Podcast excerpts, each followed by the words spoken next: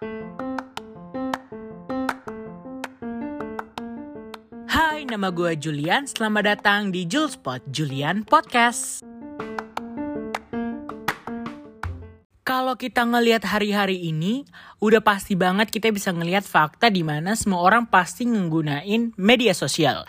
Gue secara pribadi aja nggunain banyak banget sosial media, mulai dari Instagram, Twitter, uh, TikTok dan lain sebagainya sehingga pastinya tanpa kita sadari banyak hal baru yang kita dapati dari media sosial itu sendiri dan dari banyak hal baru tersebut pastinya banyak hal-hal yang tidak sependapat dengan standar maupun pandangan yang kita pegang dalam kehidupan pribadi kita. Tentunya menurut gua hal itu tuh biasa banget atau menjadi hal yang wajar banget ketika adanya beda pendapat antara pandangan hidup kita dengan pandangan hidup orang lain. Akan tetapi hal itu udah nggak jadi wajar lagi ketika lu semua udah uh, transfer atau express rasa nggak wajar itu lewat hate comment, lu ngejelek-jelekin orang. Nah, dari situ hal yang tadi wajar itu udah jadi nggak wajar. Salah satu hal yang sering diperdebatin di media sosial adalah mengenai toxic masculinity. Jadi pada podcast kali ini gue bakal ngebahas jauh lebih dalam lagi mengenai toxic masculinity. So, stay tune guys.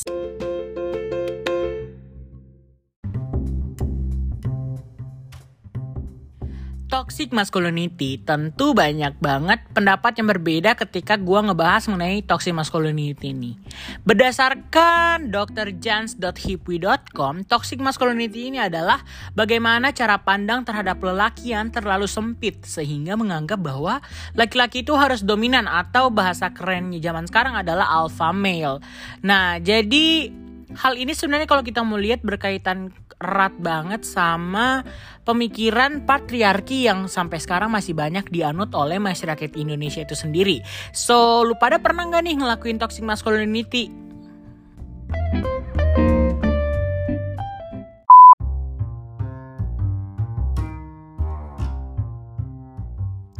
Beberapa contoh dari toxic masculinity itu sendiri dari pengalaman pribadi gue dan juga yang terjadi di masyarakat, tentunya ada beberapa nih yang mencolok serta mencuri pandangan pribadi gue dalam membahas toxic masculinity ini.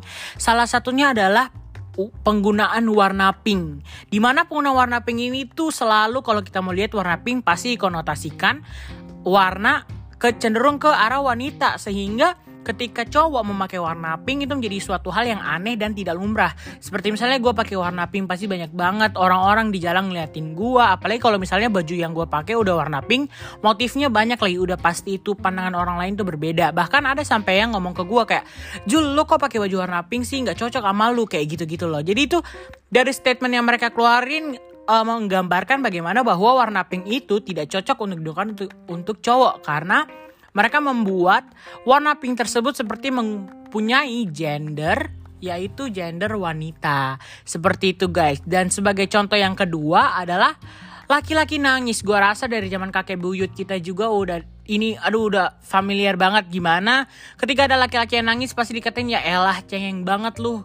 Ya elah lem, lemah banget lu jadi cowok. Masa gitu aja nangis? Padahal kalau kita mulai jauh lebih dalam cowok nangis adalah suatu hal yang wajar banget. It's something normal bro. Karena ya manusia juga manusia bukan Superman. Jadi kalau lu nangis ya gak apa-apa. Karena Superman aja bisa nangis apalagi kita manusia gitu loh guys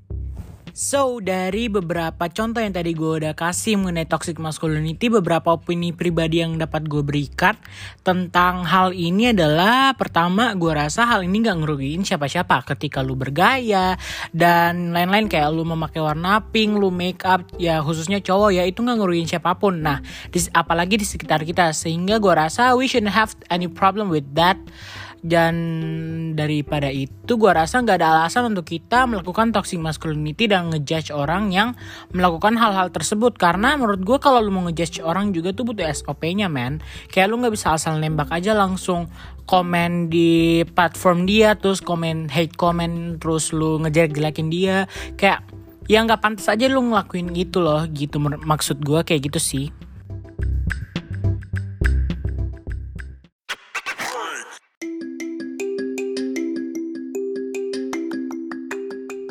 Poin kedua yang gue dapat dan dapat gue bagiin ke lu pada menurut gue dengan adanya toxic masculinity ini juga gue rasa ini berbanding terbalik banget dengan kebebasan berekspresi yang kita bahas pada topik kali ini which is itu juga di bahas di dalam hukum negara kita, di mana di dalam pasal 28E dan juga pasal 28F dalam Undang-Undang Dasar 1945, di situ dijelasin secara rinci atau secara detail nih gimana setiap orang itu berhak untuk berkomunikasi, memperoleh informasi, mengembangkan pribadi dan lingkungan sosialnya serta memperoleh dan berhak mencari, memiliki, menyimpan, mengolah, menyampaikan informasi dengan segala jenis saluran yang tersedia. Seperti itu guys. Serta poin yang ketiga, toxic masculinity juga kalau lu pada lihat itu tuh menjadi gambaran gimana terbelakangnya kita sebagai masyarakat di dalam hal pemikirannya. Karena tanpa sadar kita mengotak-ngotakan apa yang harus cowok lakukan. Sehingga